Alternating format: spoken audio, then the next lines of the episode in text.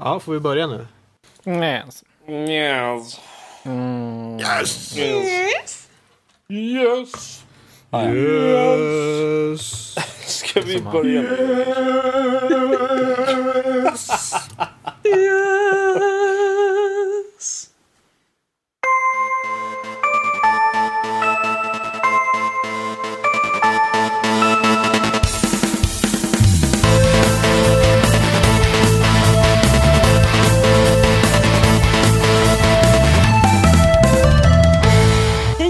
välkomna till Nördliv, en podcast om spel och nörderi av alla de slag. Dagens datum är 2016 12 10 och det här är avsnitt 97. Ehm, Jag heter Lotta och idag så har vi med oss, eh, ja jag är väl typ med antar jag, Eh, så har vi också Max, Rob och Karl, vårt lilla babyface. Säg hej pojkar små. Vi gör det. Hallå. Ni är så väluppfostrade. Eh, Hej, mycket trevligt att få komma hit. Det är alltid roligt att träffas. Tack för att vi Lika var skönt med. varje gång. Ja. Ehm, idag ska vi prata på Spel och Fokus lite om CS, märkligt nu när vi har Karl med oss. Eh, vi kommer också ta upp lite Technomancer och Bomb Squad Academy. Ehm, det har hänt lite grann i världen den här veckan. Ehm, vi kommer bland annat prata om hur GameHacks får lite småjobbiga straff numera i Sydkorea. Ehm, Ryssland som har startat krig mot färgade skosnören och en Atari 2600 emulator som eh, är lite utöver det vanliga. Eh, idag i veckans diskussion så pratar vi om vad man kan behöva budgetera för om man ska bygga sin egen gamingdator. Eh, och övriga nördämnen så har vi trailers gånger tre, Spider-Man Homecoming, The Mummy och Guardians of the Galaxy. Eh, och sen självfallet så tar vi lite lyssnarmail på slutet så ska vi påminna er lyssnare om en rolig liten grej som kan eh, tjäna er en rolig liten grej om ni vill vara med på det. Men det är schemat för idag. Pojkar små, är ni redo? Jag är Oh, äldre ja. än dig tänkte jag säga, men det är nog inte. Nå, Jajamensan, fattas bara. perfekt. Det är, det är bra, jag kan lita på dig. Jag säger det, ni är väluppfostrade. Um, Nu, Tack, bara för att du är ett år äldre än mig och Max så tycker jag inte du ska vara eh, Två. sådär. två år. Två år eller? Mm. Är du två år äldre? Mhm. Jag trodde du bara var ett. Ja, okej, ett och ett halvt kanske. Ja, se, det Ja, är ingen viktigt kommentar. det här. Ingen kommentar här. Jag, ni är en helt annan kategori än vad jag är. Så att jag kan bara ställa mig här i hörnet och vara lite utanför. Mm, ja, Men, men det är lugnt Carl, vi vill inte att du ska vara utanför. Vi, vi vill försöka ta med dig trots att du är vårt babyface. Jag menar, du, någon måste ju stå för gullighetsfaktorn här i podden. Så att, kan inte du vara så gullig du bara kan Okej. vara och prata lite med oss om CS Global Offensive? Jajamensan. Eh, tar jag upp CS lite, lite då och då i den här podden och eh, ja, nu är det dags igen. Eh, jag den här gången. mina chips. Ja, jo. Det, är, det är faktiskt jag som har chipsen den här dagen. Men eh, sist vi pratade om CS då, då beklagade ni mig lite. För det sa ju det väl. Det känns som att de inte riktigt tar hand om sitt spel. Det känns som att de, de eh, lägger allt sitt krut på Dota 2. Det finns massa problem som bör fixas, men det händer inte så mycket. Men nu på senare tid så har det släppts mycket uppdateringar. Vissa, vissa saker är lite störande. Vi har fått, man har fått handskar, så man kan ha olika handskar nu. Man kan köpa nya handskar. Så att ja okej. Visst, men annars så har de uppdaterat lite saker. De har släppt en ny, den eh, nya versionen av Inferno, som, är Inferno, som har fått en ny bana typ och sådär. Och de har eh, fixat buggar och putsat till banorna och allt sånt där. Så att, ja, det är fint. Och sen så nu, här i veckan, så släppte de en lite större uppdatering där de har ett nytt ljudläge installerat. Och eh, det är viktigt för att i just CSGO då, jämfört med tidigare it- iterationer av CS, så, så har man det kritiserat för att eh, ljudet, eh, vad ska man säga, nu kommer jag inte på det jättefina ordet för det, men eh, ljudet som man använder sig av för att lokalisera fiender och sånt där, det är inte lika vast som det har varit i, i 1.6 och Source. Liksom. Det, är, det är inte riktigt på samma nivå. Men eh, med det här nya läget då, som, som heter HSRT, som står för Nej, nej, HRST som står för Head Related Transfer Mode. Nej, nej, ja, Okej, de, men det de har gjort antar Ja. jag då är väl att det är du, du har verkligen som en, eh, det är gjort för headset nästan, Mm. hörlurar. Att du har liksom, du har ett öra som är placerat där din karaktär är och Mm. beroende vart din karaktär tittar så flyttar sig de här eh, upptagningen, vart de tar upp Ja. ljudet om man säger, Precis. flyttar sig med då så att du kan eh, lätt lokalisera som en, vad- en riktig människa gör Mm. vart ljudet kommer ifrån. Och, och du har ju, det är ju tänkt för att ha med stereo, eh, stereolurar. Så det här har ju, den leker ju liksom bara lite med hur, hur eh, så vi människor uppfattar ljud. Så att de eh, anpassar ju ljudet, eh, liksom tajmingen mellan båda hörselkåporna liksom så här. Eh, för att man ska höra dem på olika sätt. Då. Och det, det var en kille som gick lite, in, lite mer in på djupet också. Det man kan se är eh, hur spelet körs. Så har du, innan så hade du lite, så hade du lite olika trådar som, som spelet kördes liksom till eh, spelmotorn i sig, till grafiken och allt sånt där. Men nu har ljudet fått en helt egen alltså, tråd att köra på, processortråd. Mm. Eh, så, så att du har en helt egen separat process bara för, för ljudet just. Och där kommer det väl lite nackdelar med den här äh, nya uppdateringen för att det, det nya ljudet, så det är en helt ny värld, det är fantastiskt mycket bättre. De har lyckats så bra med ljudet i sig, för du kan höra om det är framför dig, om det är bakom dig. Det kunde man inte göra innan alls. Då fick man göra den här där man vänder sig lite för att säga, ah, om jag vänder mig lite så här så ser jag att ah, men då är han framför mig, för då, då såg jag att han, då kom ljudet från höger, för att, ah, när jag vände mig till vänster. Men nu är det så här, du kan höra om det är framför dig eller bakom dig. Du kan till och med lära dig att höra om det är uppifrån eller ner, för att de har gjort så att det låter ju inte som att det är uppifrån eller ner, men det, de har en viss skillnad i ljudet. Så du kan lära dig att höra om det är uppifrån eller ner, vilket det är ju helt fantastiskt. Ja, det vet man liksom inte. Man tänker på att man har ett öra liksom, ja, på vardera öra om man säger. Liksom, hur tar ett par, hur kan ett par hörlurar skicka in ljud så, så att du hör om det kommer uppifrån eller nerifrån? Jag menar, vi har ju vissa former på öronen, så visst så låter det ju lite olika men att de kan få det att funka där att man kan faktiskt höra skillnaden. Det är ju, det tycker jag är imponerande ljuddesign. För en som håller på med ljud själv så tycker jag det här är ganska spännande. Och så sätt. Jag menar jag vet ju såna här smågrejer när jag har suttit och spelat eh, eh, musik ibland och eh, när man upptäckte det här fenomenet av misstag då jag till exempel hade eh, jag, sa, jag tyckte att eh, för att jag skulle synka liksom med, med trummor och gitarr och sen så hade jag ett visst latency på när jag spelade in gitarren och sen, ja men jag vill dubbla gitarren också. Jag tar en gitarr, slänger helt till höger och en gitarr helt till vänster. Och så tyckte jag att det var, eh, det var lite offsynk så jag flyttade ena gitarren några millisekunder. Och innan jag då eh, flyttade den andra lika långt eh, så provade jag att spela upp. Och det var så konstigt. Jag bara, fan varför kommer båda gitarrers ljud från vänster? Men det var för att det var exakt samma ljud som jag hade duplicerat men jag hade flyttat den ena några millisekunder och det var lika hög volym i båda liksom, kåporna.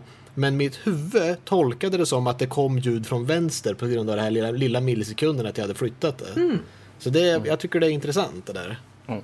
Nu kommer vi till nackdelen dock, att det har eh, till och med på min burk som ärligt talat är eh, i överklass om man säger så. Och det är inte skryt utan det är, den är, det är så. Alltså då. Eh, och det har påverkat prestandan ganska avsevärt då i spelet, vilket ja, det, det är någonting de får finpolera. De har lyckats 100% med det här nya ljudläget, men det har eh, påverkat prestandan i spelet ganska, ganska Ja, det är en kostnad egentligen. Ja, det är det ju. Absolut, det är, det är en kostnad egentligen. Så att, men man har ju absolut alternativet att, att stänga av det, så att du inte är tvungen att det. precis. I och, med att- att de, I och med att de har valt att göra det på det sättet så behöver de ju inte skjuta sig själva i foten. Mm. Uh, och ja, jag, jag ser det som en vinst för att du, det är, eh, du kan välja bort det om du skulle vilja göra det. Så att det är väl inte ett problem i sig. Men de har verkligen lyckats till 100% och det här är någonting som kanske inte pratades om jättemycket just nu då som ett problem som man ville fixa med spelet. Men som kom lite sådär, ja men det här är jämfört med tidigare spel så har det varit, så är det, det undermåligt med ljudbilden och nu har de fixat till det och det ska de ha cred för när de verkligen har, har gjort något bra. Liksom. Absolut. Det var jätteroligt att höra. Gött. Så att... Eh, Ja, skönt att jag fick berätta om något bra för spelet. en gångs skull-. Kul att du får berätta någonting om CSGO som var intressant, ska jag vara taskig att säga. Ja, Jo, men Det var kul att få höra Det om det. Jag, väntar fortfarande på den intressanta biten, helt ärligt. Men, Jag eh, tyckte det var intressant. Ja, nej, jag, jag skojar bara. Det, alltså, det, det är ju, jag tycker det är en intressant grej ändå. Liksom, för att det, det för oss ju framåt, om man säger så. Ja, precis. Och om det är så att den här ljudbilden blir mer och mer populär så kan man ju kanske hoppas att den kommer i andra spel också. Just att verkligen få Precis. den här mm, exakta lokalisationen på ljudkällan är ju fantastiskt spännande. Jag kan se det användas i till exempel skräckspel. bara för att rätta mig själv lite snabbt, för jag, jag blev, kom på mig själv att jag inte visste vad det hette, men läget kallas Head Related Transfer Function. Så att, ja, Det, det. låter som en uh, medicinsk liksom, term för, för någon som har slagit sig i huvudet eller någonting. Precis. Du skulle säga vad kommer in på akuten. och säger, vad, vad har hänt för den? Ja, det är blunt force trauma to the head. Skicka en till eh, den där avdelningen som du precis sa. Precis. Head related transfer function. Wow. Glorious. Fast då är frågan om man skulle prata med en läkare eller kanske möjligtvis en technomancer. Du Rob, känner du till några technomancers? Vad tycker du om den Vilken segwayen? jävla segway alltså Lotta. wow. Ja, det är stiligt, jag är Ah. lite stolt. Men vad säger du? Du har, du har spelat lite. Yes, uh, Technomancer uh, kom ju ut här i jul, slutet på juli någon gång. Och eh, jag har kommit över att recensera skiten nu. Så att eh, jag har spenderat 13 timmar ungefär uh, spelandes i spelet. Och uh, Technomancer är ett ehm, um, RPG, eh, ett science fiction RPG-spel. Uh, eh, lite det, det är det, typiska västerländska skopet i, i, när det kommer till RPG som man förväntar sig nu för tiden i stort sett. Uh, snubbe som springer runt och ska rädda saker. Uh, det är lite mer så. Du har lite skills och lite sånt. Men uh, vad är Technomancer? Technomancer är som sagt ett science fiction RPG. Du uh, spelar som en Technomancer som heter Zachariah. Uh, och han uh, är... Uh, Ska du förklara vad en technomancer är för någonting också? En, te- en technomancer är alltså en person som kan alstra eh, elektricitet inifrån sin egen kropp. Och eh, sen skicka ut den. Eh, och i typ... Det var inte vad jag Nej. trodde. Men, ja. Eh, det var en lite Jag udda tänkte tolkning. med någon som resurrektar eh, så här, döda teknologiska grejer. Att han, så, tänk dig en necromancer som summonar disketter eller Du, vi, kassettband och du kan ju se det så här Max, kan du göra. Eh, vad, gör, vad gör elektricitet om du skickar för mycket in i eh, teknologi?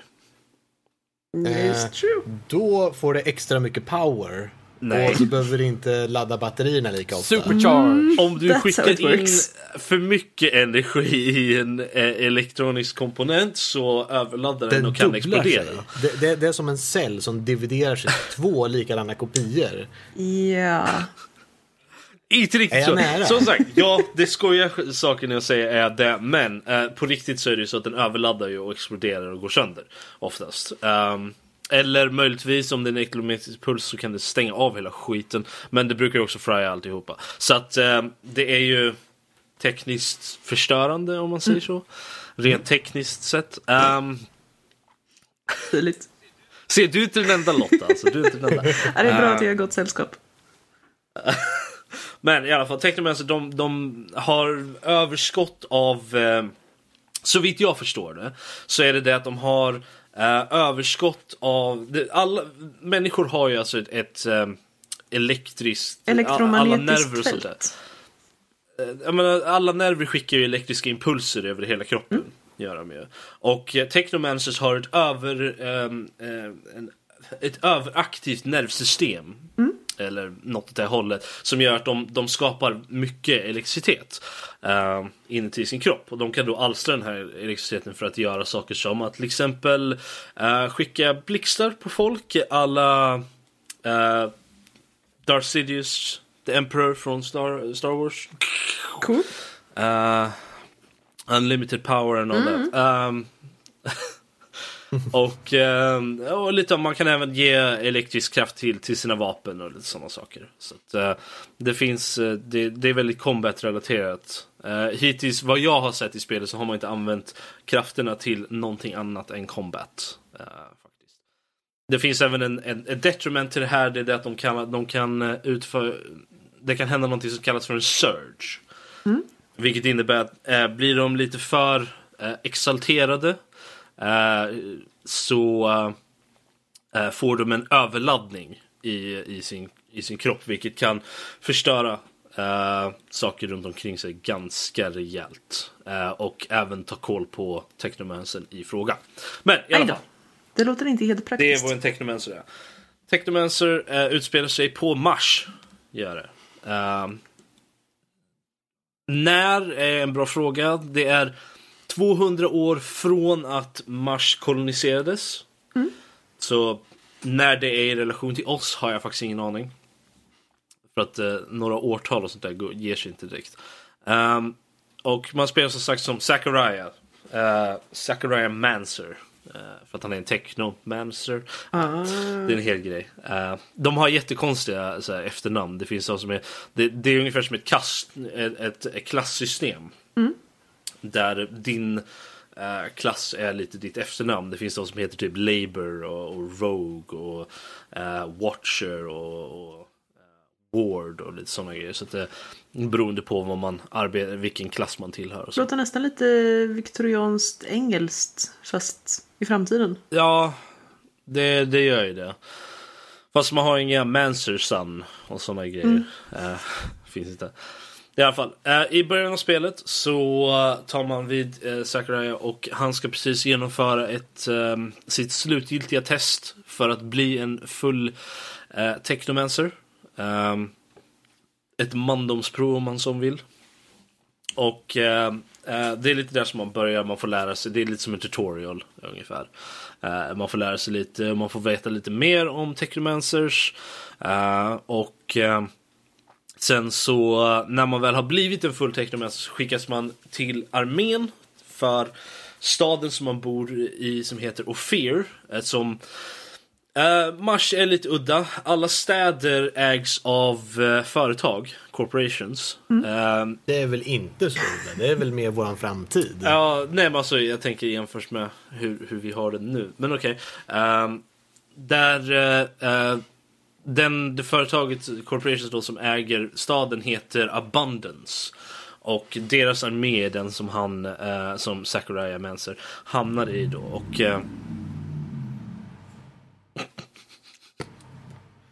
They're watching you. Hörde ni det där i stereo nu? Uh, ja. Um, I alla fall. Um, uh, när man väl är i armén så skickas man ut på lite uppdrag, lite missions. Där du eh, till exempel du ska eh, skydda ett gäng eh, inte diplomater, men eh, några högt uppsatta personer, några viktiga människor i alla fall. Eh, så att de kommer säkert in i staden från the slums som, som finns. Och eh, Uh, under de här missions så får man göra lite val och så. Uh, precis som det är i alla RPG-spel nu för tiden. Lite moralkakor, Uh, lite här och var. Um, det finns också en hel drös med uh, Sidequest som också har sina egna val där. Um, och uh, när man väl har gjort ett antal missions så ställs man till svar inför de här valen man då gjort. Och när man är på väg för att gå till sin eh, eh, till mötet för att få höra vad, vad som kommer hända med en så får man reda på att man blivit förrådd och eh, de tänker eh, arrestera en. Så man är tvungen att fly staden och Fear eh, för att de inte ska göra det. För de vill, för att eh, eh i Abundance så finns det ett, ett, ett säkerhetsråd som heter ASC, vilket jag för mig står för Abundance Security Council, men jag kan inte komma ihåg faktiskt exakt. För att de säger det typ en gång i början av spelet, sen resten av spelet så, handlar, så heter det bara ASC. Mm. Uh, vilket är sådär jättebra för att komma ihåg grejer. Uh, och huvudmannen då för, för den här ASC heter Victor Watcher. Eller Colonel Victor. Och han är lite småintresserad av eh, eh, Technomancers. Och han vill veta vad deras hemligheter är. För Technomancers är väldigt eh, eh avskilda och eh, hemlighetsfulla. Eh, så uh, han vill definitivt veta saker. Han har då försökt få den här informationen ur Sakuraya. Med, och eftersom Sakuraya är lojal till Technomancer så säger han nej, jag vet inte vad du pratar om. Vi har inga hemligheter. Uh, så... Uh, of course not. Vilket de inte har. Wink wink. of course not. och han vill då arrestera uh, Zachariah för att, i, för att förhöra honom. Inom citattecken. Så man tvingas fly eh, och eh, man tar eh, refuge i den legendariska köpmannastaden Noctis. Eh, där eh, alla merchants och sånt, det är deras stad. Den är mytisk och det är typ ingen som vet att den existerar fast en hel drös verkar veta att den existerar om du förstår vad jag menar. Mm. Uh, och där får man göra ytterligare missions för ledaren för den här staden som heter The Merchant Prince. Och det är ungefär så långt jag har kommit. Um, spelet är okej. Okay. Är väl det jag kan säga som största del. Alltså, uh, storyn är väldigt seg. Den, den tar väldigt lång tid uh, att spela ut sig. Det är att de delar ut storybitarna väldigt sparsmakat. Vilket gör att eh, någonting som borde ha tagit två timmar tar sex timmar att få reda på istället. Mm. Eh, och det är lite, det, det gör att spelet känns lite tråkigt.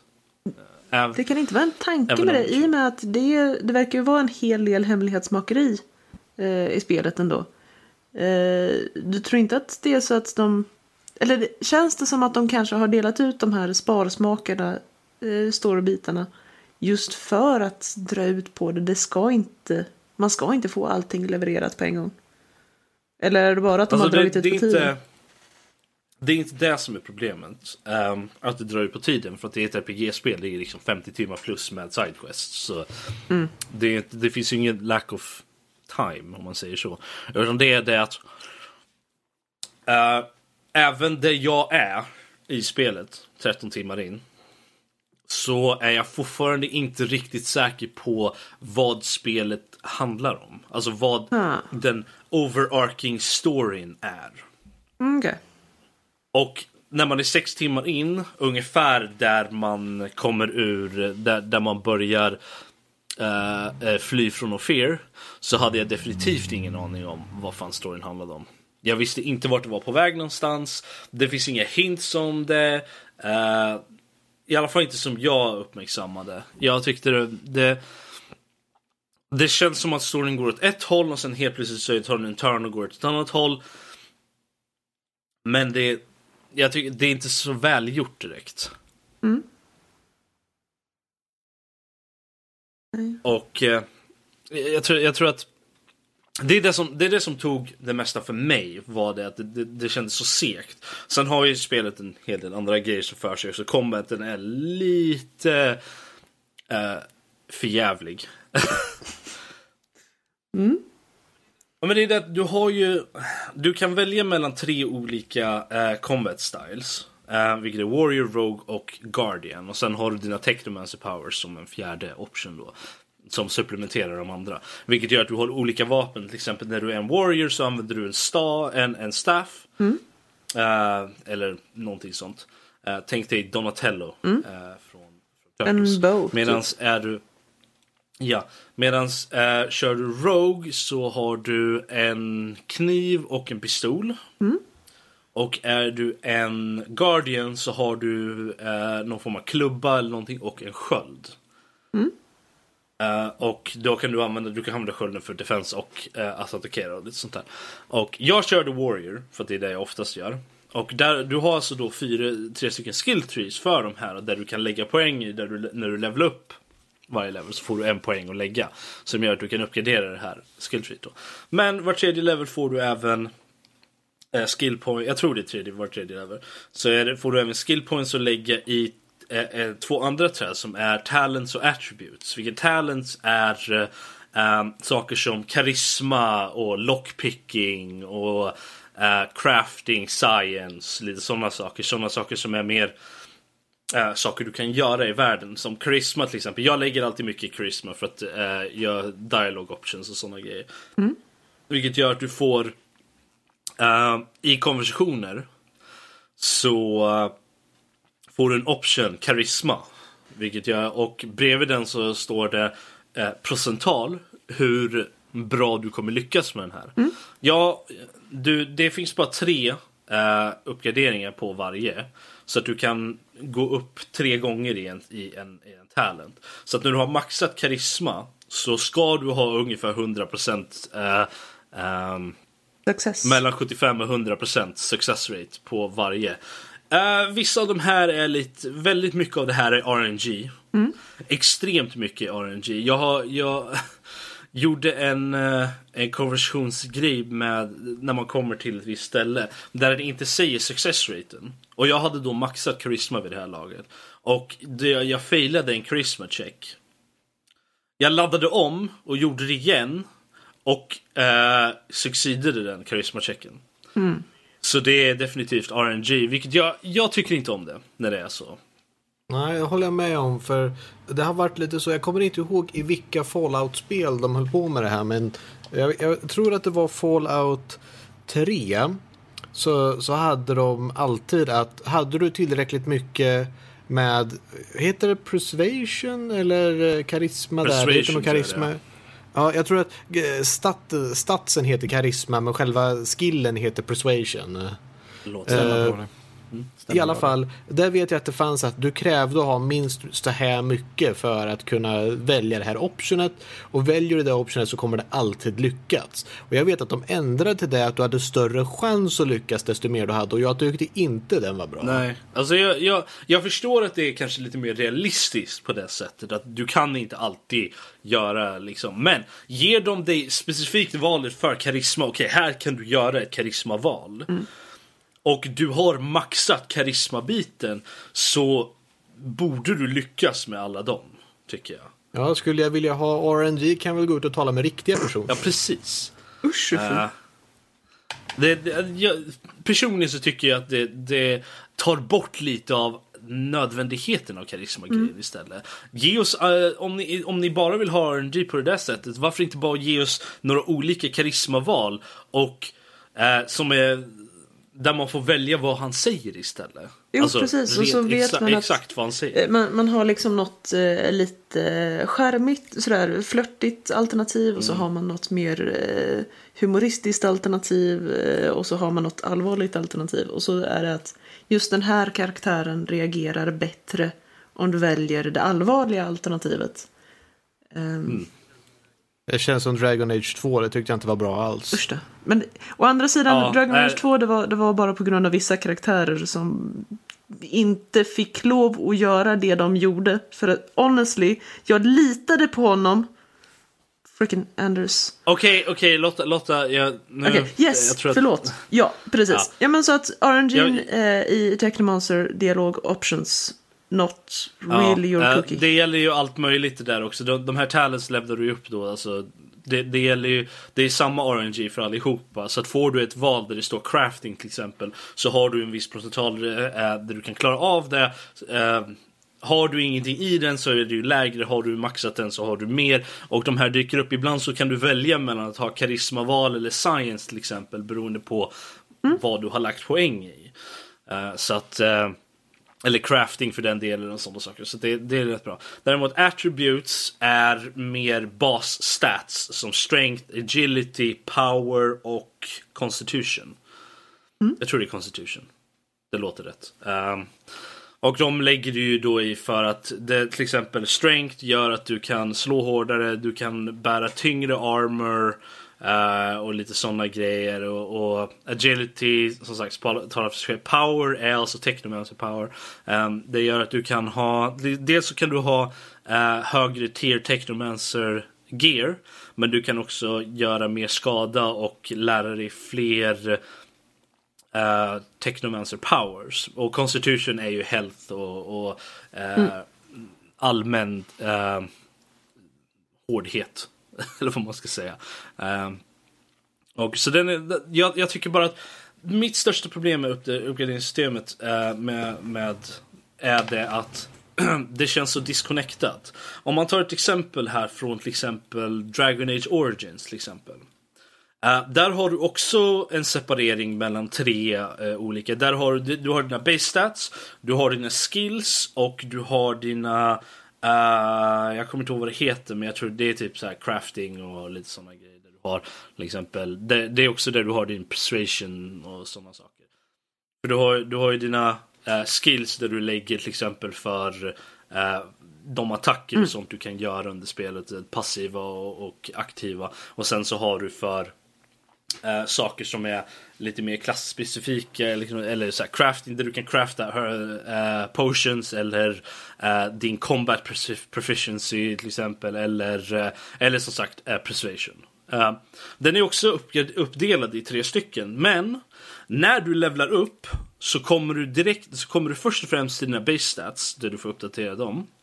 Sen så, går du vid, så klickar du på en knapp för att gå vidare för att gå till den nästa som har blivit upp, eh, uppdaterad. Den som du har fått poäng i. Uh, och sen klick, när, du har, när du har lagt poäng där så klickar du klar. Okej, okay, det försvinner, du är klar. Liksom. Du kan gå tillbaka och kolla de här via menyn, ja. Men uh, men det, när du väl levlar upp så, så blir det som en, en egen meny där du går in. Mm. I Technomancer så har du inte det.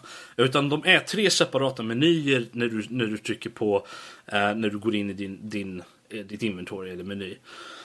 Och eh, den ger dig ett litet utropstecken om du har något nytt i dem. Eh, vilket är ju nice. Men det är inget som eh, säger till dig liksom att eh, eller, eller som promptar dig att du har poäng i de här. Nu, nu har du levlat upp, gör det här liksom på, på ett sätt. Det, det, är svårt att förklara exakt vad jag menar uh, utan att vara där. Men det, det är det att den, den, uh, den ger dig inte en separat uh, level up-grej helt enkelt. Som, som kondensar det här ner.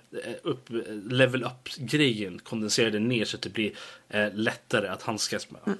Så att det känns lite uh, småklankigt. Liksom. Där ser man. Ja, men det, det, finns en hel del andra saker som är, som är lite små Uh, huvudkaraktären är lite all over the place många gånger. Ibland så ger den, menar spel som um, ger dig val i dialoger och sånt där, vilket det här spelet gör, brukar ju oftast uh, inte ha karaktär, huvudkaraktären responda utan att ge dig en prompt. Så att uh, oavsett vad en, person, en karaktär säger till dig så får du alltid en, en ett dialogval. Ja. Även om det bara är två olika så är det fortfarande ett val där du kan antingen säga det här eller det här. Även om det i slutändan resulterar i samma sak. Men det ger dig fortfarande det valet. Uh, det är också så att den oftast ger dig val om du vill attackera folk eller inte göra det. Och så. I det här spelet så är det väldigt random. Okay. I vissa fall så får du val att ha ett dialogval. Ibland så får du eh, val att inte attackera folk eller eh, göra ett mer fredligt val och sådana grejer. Ibland så säger din karaktär bara saker utan att eh, fråga dig. Det är en karaktär som säger någonting till honom och han eh, retortar direkt. Du får ingen, du får ingen prompt eller någonting. Eh, det kan vara ganska aggressiva saker han säger. Eh, och försöker man köra som jag försöker ju köra lite mer eh, karisma-hållet. Liksom att okej, okay, nu ska vi ta det lite lugna och försöka eh, klara av det här utan massa våld. Och så helt plötsligt så ställer du och skriker och svär åt de här små eh, flickscouterna som försöker sälja kakor till dig. Ja, inte riktigt så illa, men ungefär åt det hållet. Jag menar, man går upp till folk, okej, okay, vi ska resonera med de här snubbarna som har lynchat folk. Okej, okay, ja, och jag får inte ett val att inte attackera dem. Mm. Så jag hamnar i en fight direkt. Det blir lite så här, man bara, alltså hallå. Om, ni kan inte ha båda bitarna av kakan, det går inte. Antingen väljer ni att ha en story där du inte väljer några dialogval alls. Eller så ger du mig alla dialogval. För att om du har det mitt emellan så blir det en väldigt stor disconnect mellan hur du, hur du känner karaktären är. Mm. För eh, jag menar, om, ni har, om, om spelutvecklarna har en idé av vad den här karaktären ska vara Då är det så karaktären ska vara. Ge oss inte val då för att göra karaktären till vår egen. Nej, jag, jag förstår att du blir upprörd. Ja. Däremot så, eh, alltså spelet, för att vara lite positiv så måste jag säga att ändå att jag vet att jag trackade ner, att jag klankade ner på, på storyn, eh, att den var seg och så. Men det som är av storyn, det jag har upplevt av storyn är intressant. Och backstoryn till hela Mars-grejen och sånt där är också väldigt intressant. Tycker jag. Det är bara det att den är väldigt seg. Men när man väl får bitar av den så är det intressant och gör att man vill veta mer. Vilket är väldigt positivt. Det är det jag alltid tycker om när det kommer till RPG-spel. Än när man verkligen vill veta mer av storyn. Vilket är ett av de stora problemen jag hade med till exempel Final Fantasy 13. Jag hade inte så stor nöd att veta mer av det här spelet. Uh, storyn, det var inte så intressant. Uh, och men, miljöerna är väldigt varierade och uh, även för att det är, även fast det är på Mars, vilket är liksom, det är Mars, det är den röda planeten, det är dust liksom. Så uh, det, det, miljöerna är varierade och så. Men mm. ja, utöver det så skulle jag nog rekommendera det mest till folk som, uh, som kan se förbi de problemen. så att jag tror att det, det är det som för annars så tror, tror jag att jag tror det är lite för mycket. De försöker vara alldeles för mycket i det här spelet och lyckas inte med det mesta av det. Uh, vill ni se mer? Vill ni, uh, om mot förmodan veta mer? allt som Rob precis sa så... Vill, vill ni mot förmodan veta mer om, den här, om Technomancer så kan ni läsa min recension på uh, nördliv.se. Precis. Uh. Perfekt. Uh, men då teknomansar vi vidare. Om man nu inte är begåvad med de här fantastiska möjligheterna att alstra elektricitet eh, i kroppen och eh, använda den för att slå ut maskiner eh, så kan man ju använda bomber. Um, och eh, för att lära sig använda bomber så tycker jag att man, det är ju ganska lämpligt att gå på en bombskola. Du Karl, jag vet att du väldigt nyligen har uppsökt den här bombskolan. Eh, rättare sagt Bomb Squad Academy. Eh, man... Så nyligen som precis innan vi började spela in det här avsnittet. ja, precis. Jag måste bara berätta det. Vi, säger, ja, men vi sitter och letar efter lite saker vi kan prata om. Så, här. så kommer jag trilla, snubbla över den här trailern till det här spelet. Så Bomb Squad Academy, bara, ja men det låter intressant. Så säger man, ah, massa kretskort och det är massa and-grindar och exor-grindar och, och, knappar och sladdar som man kan klippa i. Och man bara, ja men jag har ju gått kurs i sånt här. Herregud, det här måste passa mig bra. Så vad Bomb Squad Academy är, är att du blir presenterad av ett litet kretskort och sen så har du lite olika ledningar och det är ja, som sagt eh, logikgrindar och allt sånt där smått och gott. Um, och sen så, så ska du ju då på något sätt lista ut det är som ett litet pussel, lista ut hur du ska decimera den här bomben på rätt sätt där då.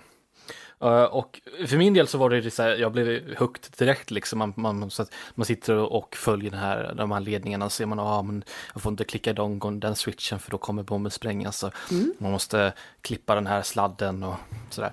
Och uh, jag måste säga att presentationen är riktigt gullig faktiskt. För det är så här, ah, väldigt lugn och det är så här lite hissmusik liksom. Ah, lugnt och fint. Och så, så, så, så ska man desarmera bomben och tiden börjar rulla och då blir det så här jättehektiskt och stressigt. Och så, oh, shit, du måste desarmera bomben.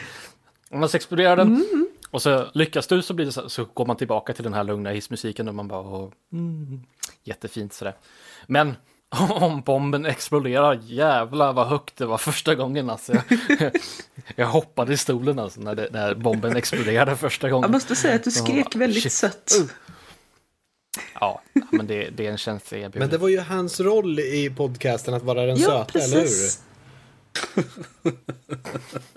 Perfekt. Nej, men det här spelet, Bomb Squad Academy, eh, personlig rekommendation för mig för jag har ju lite jobbat med sådana här eh, logikgrindar och sånt där. Och jag har ju gått kurs i digital teknik och mikrodatateknik och mm. sånt där så jag har ju eh, lite smått eh, intresse kanske man skulle kunna Men säga. Men behöver man ha gått eh, kurser i det här för att kunna spela spelet och uppskatta spelet?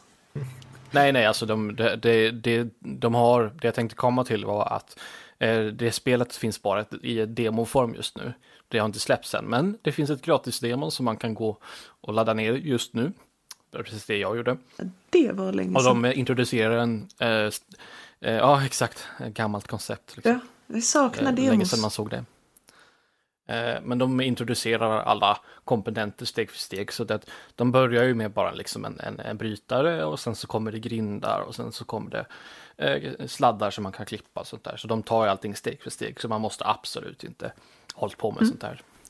Det var bara lite kul att jag har hållit på med sånt innan. Precis. Finns det någon smidig enkel adress eh, som man kan gå in på för att ladda ner det här? Eller gör man bäst i att bara googla Bomb Squad Academy Demo Download? Man kan gå in på bombsquad.academy så kommer man dit direkt. Trevligt. Snyggt. Snygg adress där, det kommer nog hjälpa mycket. Ja. Ja, men eh, det, det, är liksom inte som att man har något att förlora på det. Det, var en, det kan vara en liten personlig rekommendation för jag tyckte det var riktigt roligt faktiskt. Jag hoppas att det... Mm, lite pusselsspel. Ja, men verkligen. Mm. Trevligt, trevligt. Men eh, då så, då tycker jag att vi spränger oss vidare i eh, vårt lilla program här för kvällen. Ehm, och ser lite sådär runt om i världen vad som har hänt. Ehm, du Max, jag har hört att eh, de håller på med och smiskar folk i Sydkorea. Ja, det och det är ju dina personliga vanor. Det är ju ingenting som vi behöver gå in på i podcasten.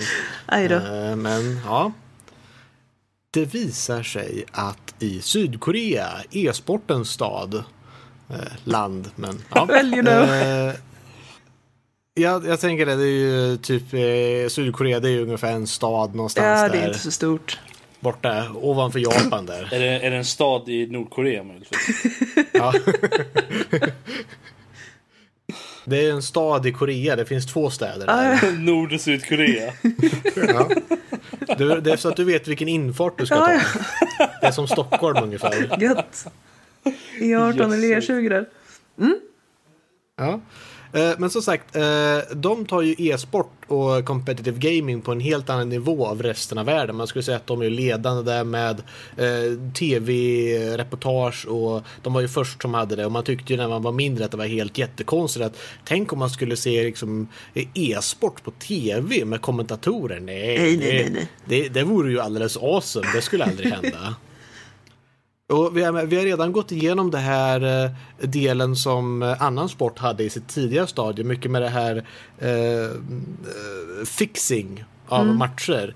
Där det var liksom att du kommer förlora.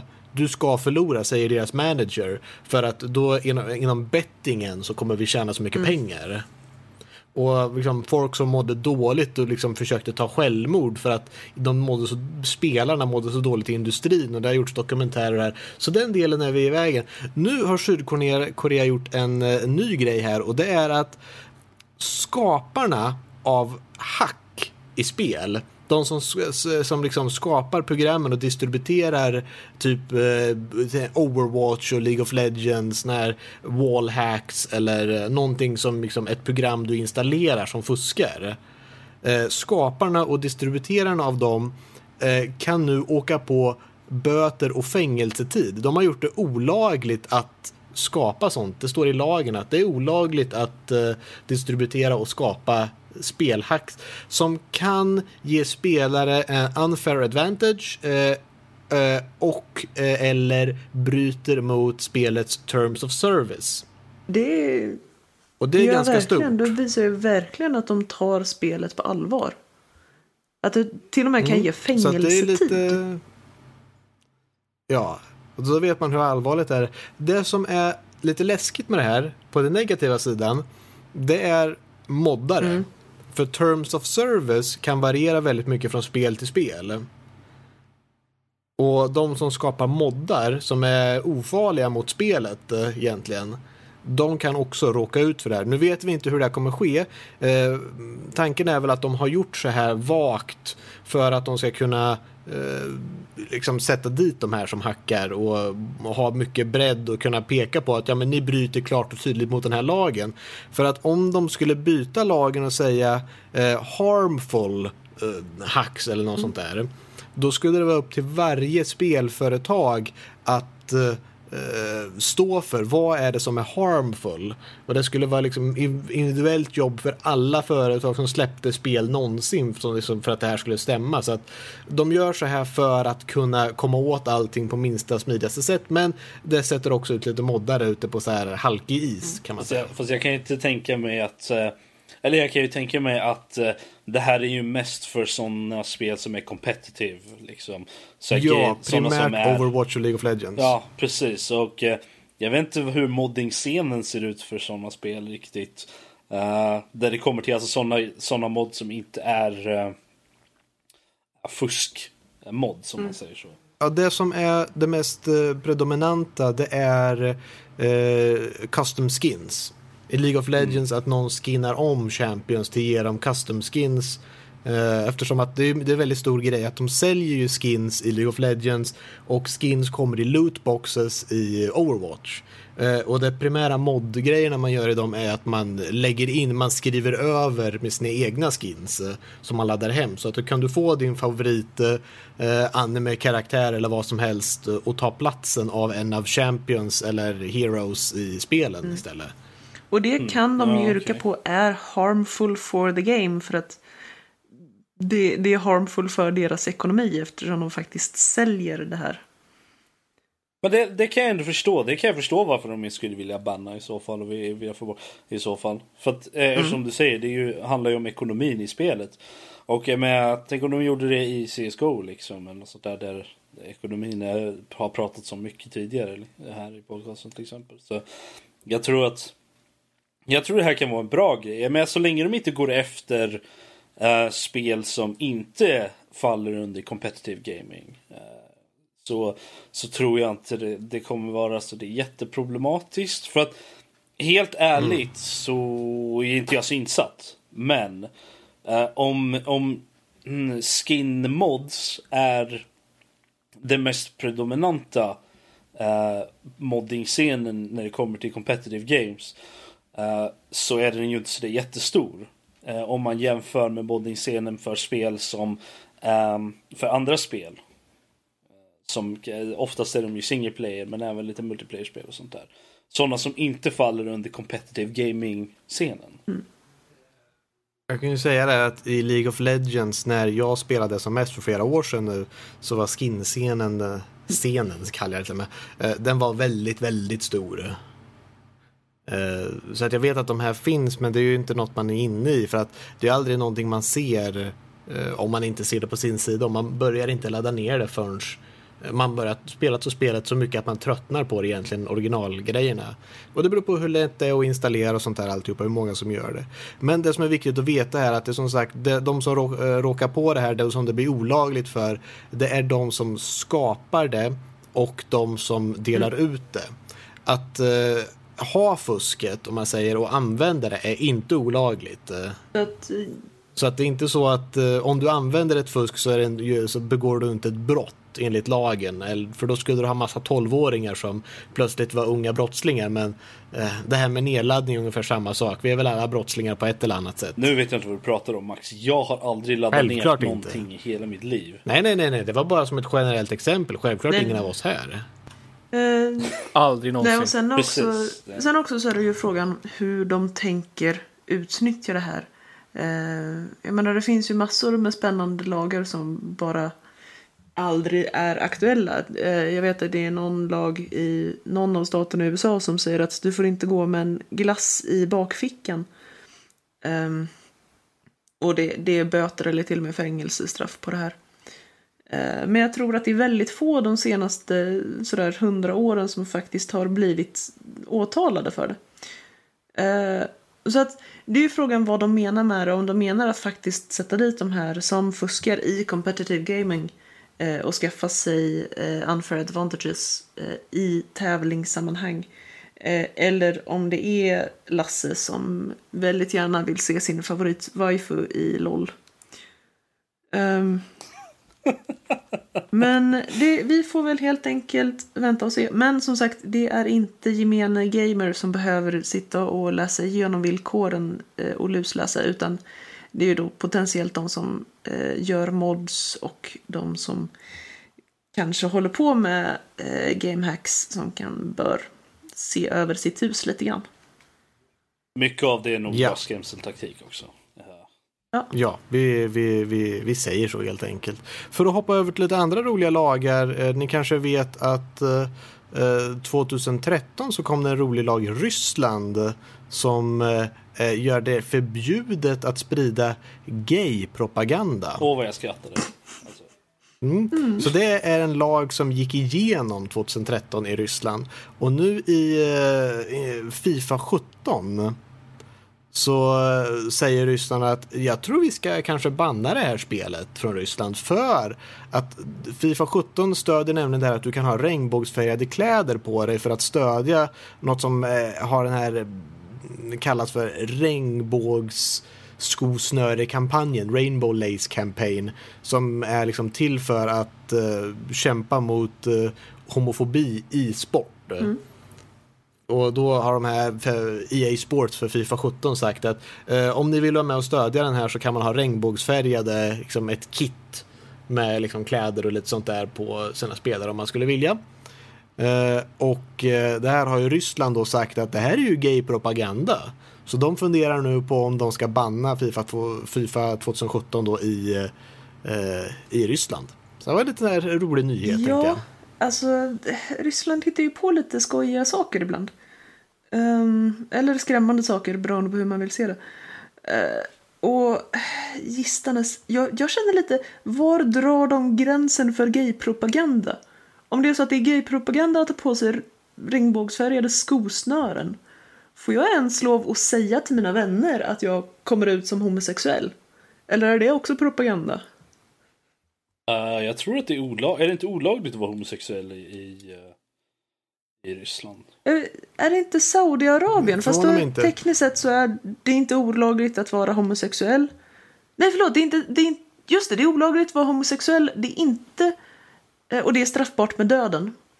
Eh, Och om det är så att du kör mot rött ljus så måste du vara homosexuell och då kan du straffas med döden. Jag får mig att det är någon så spännande sammanhang. Ja, okej. Ja. Ja, nej, men jag jag har för mig att det är Ja, ja. någonting med, i Ryssland i alla fall som säger att du får inte vara öppen homosexuell eller något åt det där hållet i alla fall. Jag kan ha fel. eh, men eh, det, med tanke på deras eh, antipropaganda, homosexualitet och sånt där så är jag inte, skulle jag inte vara förvånad. Um. Helt ärligt. Hela den grejen. Ja, men i alla fall, det är som sagt, det här är ju ändå en kampanj som drivs av ett företag och därför kan det nog ses som lite mer eh, propaganda än vanligt skulle jag kunna tro. Så att när de vill sälja en produkt som innehåller det här så, ja, ja, de, de får göra som de vill. Men, men, vidare till mer annat. Eh, en lite rolig nyhet här. Eh, Atari eh, 2600, en emulator. Gjord i Minecraft. Ja, det är fräsigt. Det, det är imponerande. Men det krävs eh, kunskap om mycket logiska grindar och liknande här som eh, man kan eh, behöva lära sig för att få något sånt där att fungera. Precis. Det, det snubben som har gjort det här, Seth Bling, han är känd som eh, snubben som kan göra vad som helst i Minecraft i stort sett. Och ärligt talat, jag Han börjar har tro gjort- på det. Att, nej, att han har ju gjort, han gjorde en, ehm, vad var det, en mobiltelefon gjorde han. Just det, ihåg. I, eh, i, i Minecraft, i samarbete med AT&T har jag för mig det var. Så gjorde han en mobiltelefon där han faktiskt gjorde ett, mm, ett eh, telefonsamtal. Eller ett Skype-samtal kanske det var, jag kommer inte ihåg nu faktiskt. Eh, till en person utanför. Ett, ett videocall där han faktiskt kunde se den andra personen. I Minecraft, den, den simulerade, det var ju väldigt grynigt och sådär i, i Minecraft. Men alltså, Jo, jo, men... eh, det var ändå liksom där. Eh, och det funkade. Så det, han är, han är eh, the Redstone Master. Är han.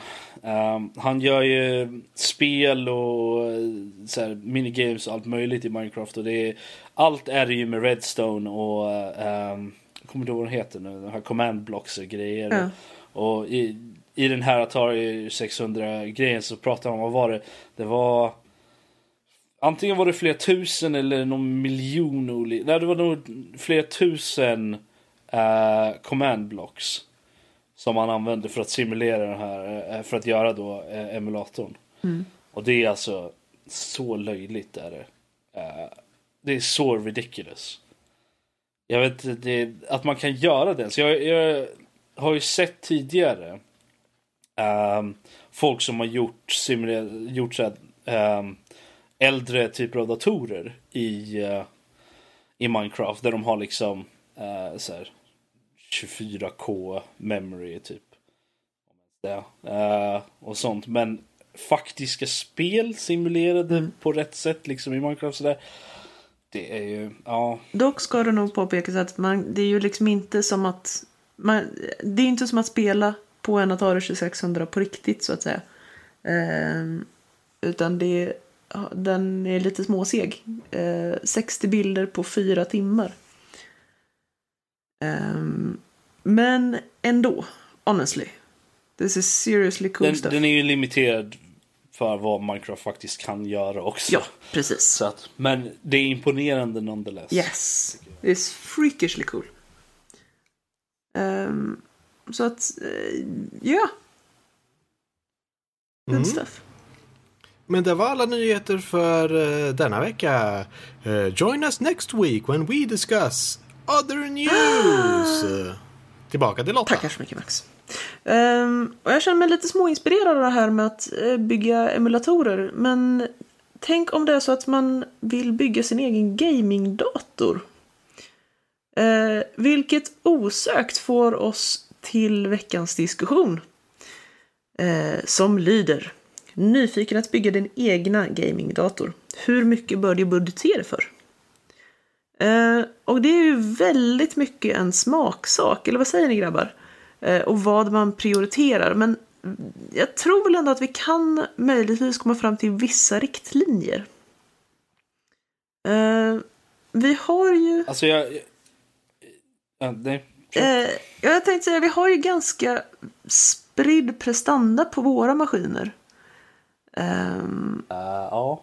Det är väl egentligen en kostnadsfråga om jag skulle vilja säga någonting. Ja. Men ja, det är väl det vi ska sätta en budget för här. Vad man bör förvänta sig per vilken. Jag tror, jag vilken- tror det bästa är väl att sätta förväntningar först. Vad, vad menar, vill du kunna köra de senaste spelen på Ultra så tror jag då är det en fråga. Men vill du bara kunna köra de senaste spelen så är det ju en helt annan fråga. Oh ja. Och eh, det, var väl, det var jag som, som, som skrev in den här frågan och det är lite som, det är lite som Rob säger, man får ju sätta vissa förväntningar. Men man vill ändå komma fram till någon slags sweet spot eller vad man ska säga, för att det var en, en, en kille på jobbet som, som frågade mig om jag kunde det här med datorer. Jag vet inte vad han fick den för, för, för, förut. förutfattade meningen. Vad, vad han fick weird. förutfattade meningen ifrån. Eh, ingen aning. Eh, men då sa jag, ja, vad har du för budget i åtanke? Då sa han, han sa 5000 och det sa jag, mm, mm. Kan, det, det, det, det kan gå absolut. Eh, du- han, vad, vad ska du spela med den? Sa, sa jag då, ja men jag vill spela League of Legends. Bara, Okej, ja, Oh. men det är Ja, men det går, det, går. det, då är inga problem. Men då så tänkte jag, jag, jag, jag gör ett försök. Först så tänker jag, jag, jag tänker inte så mycket på, på budgeten i sig, utan jag bara plockar ihop det som jag skulle känna mig bekväm att rekommendera till någon eh, med liksom lite mer budget i tanke och då kommer jag upp i 8000. Och det var väl egentligen där jag ville utgå ifrån och säga att där någonstans är någon slags sweet spot om man säger så. Här mest prisvärda nästan. Precis, för det, där någonstans 8, 9, 10 tusen så börjar man komma till en punkt där för varje tusenlapp som du lägger till desto mindre och mindre procentenhets prestanda får du liksom. Säger jag som där min, bara min burk kostar 19 000. Men det är en helt annan femma. Och det här är ju alltså när man Ehm, plockar ihop eh, komponenterna själv. Det är inte när man går in Ja. till första bästa dataraffär och säger hej, jag vill ha en dator, tack. Ja, jag kan säga det direkt att eh, köpa, köp inte färdigbyggd, gör lite research, bygg den själv eller be någon typ Inet eller webbhallen bygga den åt dig. Det kostar ju kanske en 800 extra eller sånt där, men det är lätt värt det för att du får mer valuta för pengarna och du kan styra dina komponenter mycket mer om du, om du väljer dina komponenter själv. Men eh, Råka. jag tror att det beror på fortfarande vad du vill ha gjort med den. Jo, men det, det finns vissa viktiga punkter för att jag har sett eh, katastrofer till färdigbyggda gamingdatorer. Det var när, innan jag köpte min dator, min gamingdator först, så var jag på ett, ett LAN. Det var en kille som hade lagt ut Eh, nu kommer jag inte ihåg de exakta så här, specifikationerna, men han hade lagt ut ungefär 12 000 på en dator. Den var ganska så här, snyggt eh, chassi, liksom spaceat chassi, lite så här gaming chassi och sen var det 12 gig ram och det var eh, den nyaste i7 som fanns då. Jag tror det var ja, typ Sandy Bridge eller något sånt där, om ens det. Eh, men så hade han det, typ ett GTX 550, mm. sånt där. Han bara, vad, vad har du gjort? Och den här datorn kostade 12 lax. Och han bara, ah. nej, nej. Oh. så att det, det är sådana saker man vill undvika och det är lite av en fråga också. Vissa, vissa komponenter vill man inte snåla på kvaliteten, så som till exempel nätaggregat. Det kommer hemsöka dig i framtiden om man gör mm. Så att eh, det är, en, det är en sån fråga. Liksom. Men å andra sidan, det finns bra färdigbyggda också. Eh, jag vet ja, att min, min stationära här i Färjestads, eh, honom köpte jag innan jag kunde någonting om datorer i princip. Eh, det här var för en eh, sex år sedan typ. Eh, och okej, okay, jag har bytt ut grafikkortet och uppdaterat det. och satt in fler hårddiskar allt eftersom. men han sköter sig fortfarande alldeles utmärkt. så mm. att det finns, men där, då gick jag också till ett ställe här i Örebro där de verkligen kan datorer. Det är gamers, det är nördar som sitter där och jag sa det, hej, jag vill kunna spela bra spel, eh, hjälp. Och de fixade biffen. Så att det beror ju lite på vart man går. Eh, och du kan komma över bra saker färdigbyggda också, men som sagt, mm. du kan stöta på de här enorma fällorna eh, med de här fantastiska flaskhalsarna på till exempel grafikkortet. Mm. Ja, men det är väl inte alltid heller eh, priset om man säger för att vissa saker, det beror på lite vad de satsar på. För att det är möjligt att det är inte så att de lurar dig på pengar utan de lurar mm. dig på komponenter mer. att eh, du, Den här datorn kanske kostar 12 000 eh, Värdet i den bara delarna kanske är 11 000. Mm. Men ska du ha den att spela på om du inte har ett bra grafikkort så blir det där en extrem flaskhals. Oh ja. Då har du massa prestanda som inte används. Så att det är inte alltid att liksom, datorn är dålig utan oftast priset som är det. Och jag känner att på färdigbyggda datorer ibland så läggs de upp på ett pris och så ligger de på det priset även fast det kommer upp mm. nya komponenter. Så att jag tycker det är oftast bra att gå på komponenter bara för det känns som att det där priset är mer eh, uppdaterat, inte i realtid, men mer så fort det kommer upp en ny grej så vet du att okej, okay, för det här, vad är det bästa jag kan få för det här priset? Och då är det verkligen på komponent. Mm. Man, liksom, nivå, på så, så då har du alltid det bästa. Går man på komponentnivå så påverkas det inte bara av hur gamla de är men också tillgången och efterfrågan av dem också. Så då kan man ja. ha tur ibland om man eh, kanske inte är så petig av så kanske man kan ta en komponent som fortfarande är alldeles duglig men kanske är lite äldre och då kanske man får ett riktigt bra pris istället. Ja.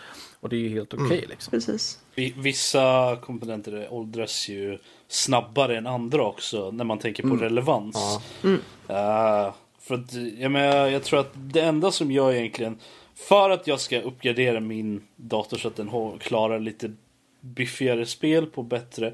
Det enda jag egentligen, så vitt jag förstår det, behöver uppgradera är grafikkortet. Mm. Jag behöver ju såklart uppgradera resten också för att verkligen få ut allt. Men, uh, ja. men grafikkortet, uh, slänger jag in ett, ett 1070 i den här datorn till exempel så klarar resten av datorn av det. Mm. Uh, Som det ser ut i dagsläget i alla fall, det, finns vissa undantag i spel, uh, så är det ju eh, GPUn som spelar mest, grafikkortet som spelar mest roll. Det finns mm. vissa undantag. Men, Minecraft till exempel? ja, eller Arma, Ark eller något sånt men, där. Men nu har vi pratat väldigt mycket om det här med färdigbyggt eller inte färdigbyggt och så vidare. Men om vi ska komma tillbaka till det här med ekonomin och vi pratar om hur viktigt det är att ha ett bra grafikkort och att de ändå åldras ganska snabbt. Hur mycket tycker ni, vi har pratat om en sweet spot på typ 8000 och personligen så kan vi väl tycka mm. att det, det beror på hur man känner själv vad man, man är ute efter. Om man är som jag var när jag skulle köpa min dator, då låg, då låg, när den var ny, eh, eller den konfigurationen jag betalade för då, då, då var det, låg det på 12 000. Mm. Men då var det en väldigt välrundad dator, då hade, då hade den ett fint, ett bra chassi, bra kylare, en SSD och en hårddisk. Om man vill köra lite mer spetskompetens på det hela så skulle jag kunna skita i en SSD och skita i kylan och nöja med, alltså, leva med lite högre ljud och sånt där. Och då få se, få se, på så sätt få ner priset fast ha samma prestanda Mm. då. Eh, så att, ja, det beror helt, det jag bekvämt kan rekommendera till andra håller någonstans i 8000. Vill du däremot ha den bästa upplevelsen du kan ha, ja då pratar vi ju någonstans runt i 15-16 000 området liksom. För då ska du ha en av de bättre CPU-erna, en av de bättre grafikkorten och sånt där. Det jag skulle lägga med att jag känner när jag tittar på datorer nu. För jag börjar komma, min dator börjar bli, nu vet jag inte hur gammal den är. Vissa delar, vissa delar är liksom eh, 6-5 år gamla och jag tror grafikkortet är bara ett par år. Eh, Men jag har bytt, det, det har varit mycket per del på det, men saker börjar bli tillräckligt gamla nu och jag har bytt och bytt så mycket eh, så att jag känner att jag måste snart köpa en det är lättare, jag vill köpa något helt nytt för att se så att det inte är något moderkort som halkar efter, för någon ny teknologi som kommer ut sn- snabbare. Jag, må- jag måste egentligen byta för att jag kör med DDR3-minnen för RAM-minnen. Nu är det ju DDR4 som är liksom det moderna, så jag känner att det är väl dags att uppgradera till det ändå. Eh, och, och sådana saker. Så att, men det jag tänker på när jag tänker bara en dator nu, som sagt, när vi talar om det här så talar vi inte om skärm, tangentbord, möss, inget extra, utan talar vi eh, oftast eh, med chassi då. Ja, Har man bara- redan ett chassi så kan man ju spara en tusenlapp där, men Bara burken och eh, i vissa extrema, nu ska jag inte säga extrema fall, om man är som min kära kollegas exempel var kanske, då, då kanske man kan ta en befintlig dator men stoppa in ett bättre grafikkort. Man har ju de här låg, eh, vad ska man säga, eh, effektgrafikkorten som, som till exempel eh, 750 Ti var ett bra exempel när den generationen, nu är det väl eh, 1050 TI och eh, ja, motsvarande Ja. på AMD-sidan. De kan man ju koppla in utan att ha någon, behöva ha någon extra ström i sig. Och det är ju viktigt för Mm. att oftast så är, i färdigbyggda datorer så har du inte plats för mera saker på i nätaggregatet. Då. Det är också ett nej, det brukar vara väldigt Ja. plats, eh, sparsaktigt Ja, där. det är också ett helt okej alternativ om man är extrem budget för då kan du ju bara köpa ett grafikkort för 2000 kronor kanske och sen så har du en helt okej spelupplevelse liksom. Eller en, Mm. en annan. Det jag skulle sätta pris på var mellan 14 och 15 000. Där skulle jag känna mig bekväm att eh, ska jag köpa en ny dator så kommer jag, om jag säger 14-15 000 så kommer jag förmodligen hitta den här, ja men jag kan bara uppgradera den här lite. Det, och så, det, så det, kommer det det hamna är vid svårt 16 att 000. man hamnar i men- den, den, det ta tankesättet att om jag bara ökar budgeten lite grann då kan jag få in det här. Men då kan jag också få in det här också. Så då, Ja, jo, det går alltid att öka. Det, det jag skulle säga som många kanske gör ett misstag på när det kommer till spel. Eh, det mesta spelen nu, som sagt, det som eh, sa tidigare här, att det finns vissa undantag. Men jag skulle säga, lägg inte all kraft på att få en i7, utan en i5 fungerar jättebra till att spela Det- med. Lägg de pengarna istället på ett bättre Oh ja. grafikkort som du skulle mm, lagt upp för en i7. För du kommer inte märka skillnaden där. nej, det, det, det kan jag. det är väl det tipset jag skulle Till och med ge. Jag som har gått från en i5, det var en av de uppgraderingar jag gjorde här i, i början på sommaren, så gick jag just från en, en i5 till en i7 då i samma, samma eh, generation, i samma familj då. Eh, Närmare bestämt från en, om, någon som, om det är någon som bryr sig så var det från en 4670K till en 4790K. Om det är någon som bryr sig där ute. Eh, Men eh, prestandaskillnaden i spel var minimal. Det, det enda stället jag märkte skillnad var i Battlefield 4. Men det är ett sånt spel som är eh, det, där mycket fysik och sånt där har mycket med CPU att göra. Så det var, det var, Och det var ändå inte nej, nej, jättestor nej. skillnad. Nej, nej, alltså det, det handlar om innan bytet så kunde jag spela det spelet på Ultra Preset över 60 eh, där det dippade till 50 ibland. Medan när jag bytte så kunde jag spela över 60 fast det dippade aldrig under 60. Det var den skillnaden jag märkte. Så att, Och jag menar prisskillnaden Väldigt mellan en minimal. i5 och en i7. Det är ju oftast ett par tusen lappar. oh, precis. Och eh, i det stora hela om man tittar på de, till exempel de, som, de, de modellerna som jag tog upp där. Eh, de, skillnaden mellan de två är egentligen att de saknar, eh, i5 man saknar hyperthreading. Medan i7 har det och det, ja. Eh, ni som vet, som vet vad det innebär, men det är liksom väldigt minimal skillnad egentligen. I alla fall som eh, det ser ut i dagsläget så, så håller jag med 100% om att sikta mer på en i5 i, i den prisklassen. Så att vi säger att vi har ett spann på ungefär 8000 till typ 15 000. Det är ganska redigt spann hörni. Ja, Men det är väl lite, det är två olika Precis. klasser skulle jag säga. Att du har de stegen att 5000 då kan du få något riktigt billigt, det går att spela på. 8 till 9 där, då har du liksom, ja men då, då om du verkligen, om du väljer rätt delar, eh, konsultera med någon som kan det där och sen kan du verkligen, då du kan få ut någonting okej, det är bra uppgraderingspaket där. Men ska du ha något nytt med lite mer edge faktiskt och lite mer hållbarhet i längden så skulle jag vilja säga 14, 15, kanske till och med 16 där då. Precis. En sista detalj är värt att poängtera, det nämndes lite snabbt där, men köp någonting som är en bra bas. Som man sen kan bygga på utöver det.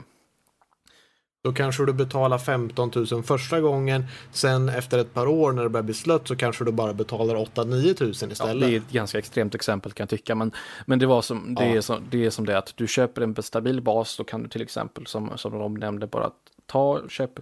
När du känner att du kanske vill ha något eh, bättre, då behöver du bara byta ut grafikkortet och inget annat. Utan eh, då ska man inte ha det här problemet med att ja, men, eh, om jag ska uppgradera någonting så behöver jag uppgradera nästan alltihopa förutom kanske chassi och hårddiskar. Precis. Det är, sån situation vill man inte hamna i. För det Jag tror, Precis. jag tror att egentligen det absolut viktigaste att ha innan man börjar budgetera eller något sånt där är vilka förväntningar har du?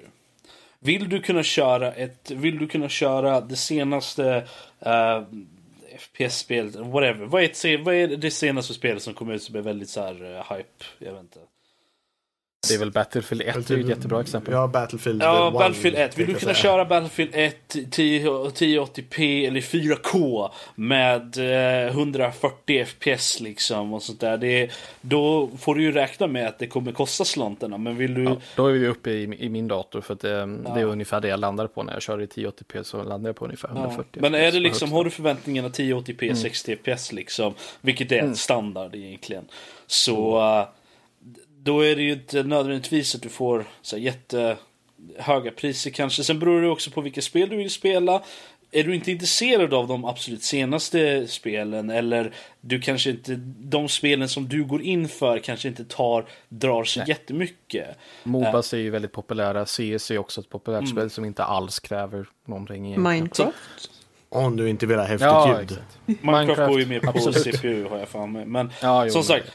Kolla dina förväntningar innan du gör något. Innan du börjar budgetera eller kolla på vad en dator kostar. Vad är det du förväntar dig att få ut av den här datorn? Och när du väl har det nedlagt, då kan du börja kolla, okej, vad är det jag behöver? Om du inte kan det här själv, gå, gå och kolla med som sagt, vad var det, webbhallen och alla de där har ju sidor. Har du en polare, alla känner minst en person som, har, som är väldigt inne i det där. Ehm, Sveklockers är jättebra resurs om man vill ha något på svenska. Annars Ja. finns det ju hundratals med forum Ja. som eh, På tal om det, Sveclosures la ut en guide. De hade Mm. en tävling bara nyligen vet jag. Där de eh, plockade faktiskt, de bad sina användare plocka ihop en dator för 15 000, Mm. en budget på 15 000. Och sen så skulle då webbhallen, eh, Sveclockers då valde ut de tre bästa som de tyckte. Och sen fick man då rösta mellan de här tre. Och den som får mest röster blir en färdigbyggd dator som man kan köpa från Härligt. webbhallen. coolt. Sveklock... nu vet jag inte om det blev svek... om det var samma som blev just Sveklockers vinterdator, men den är ju ett ypperligt exempel på det här. eh, Det som jag skulle anse är liksom lite entusiastnivå, liksom. Det som Max pratar om. Eh, den prisklassen, eh, 13, 14, 15 000 där någonstans. Men som sagt, Om man, Ko- om kolla bara- vad, vad ni vill ha. Sen kollar ni vad som, vad, vad som finns och vad det kommer kosta. Kolla vilken budget du har. Är det realistiskt gentemot vad du faktiskt eh, vad du vill ha gentemot vad du kan eh, ha råd med.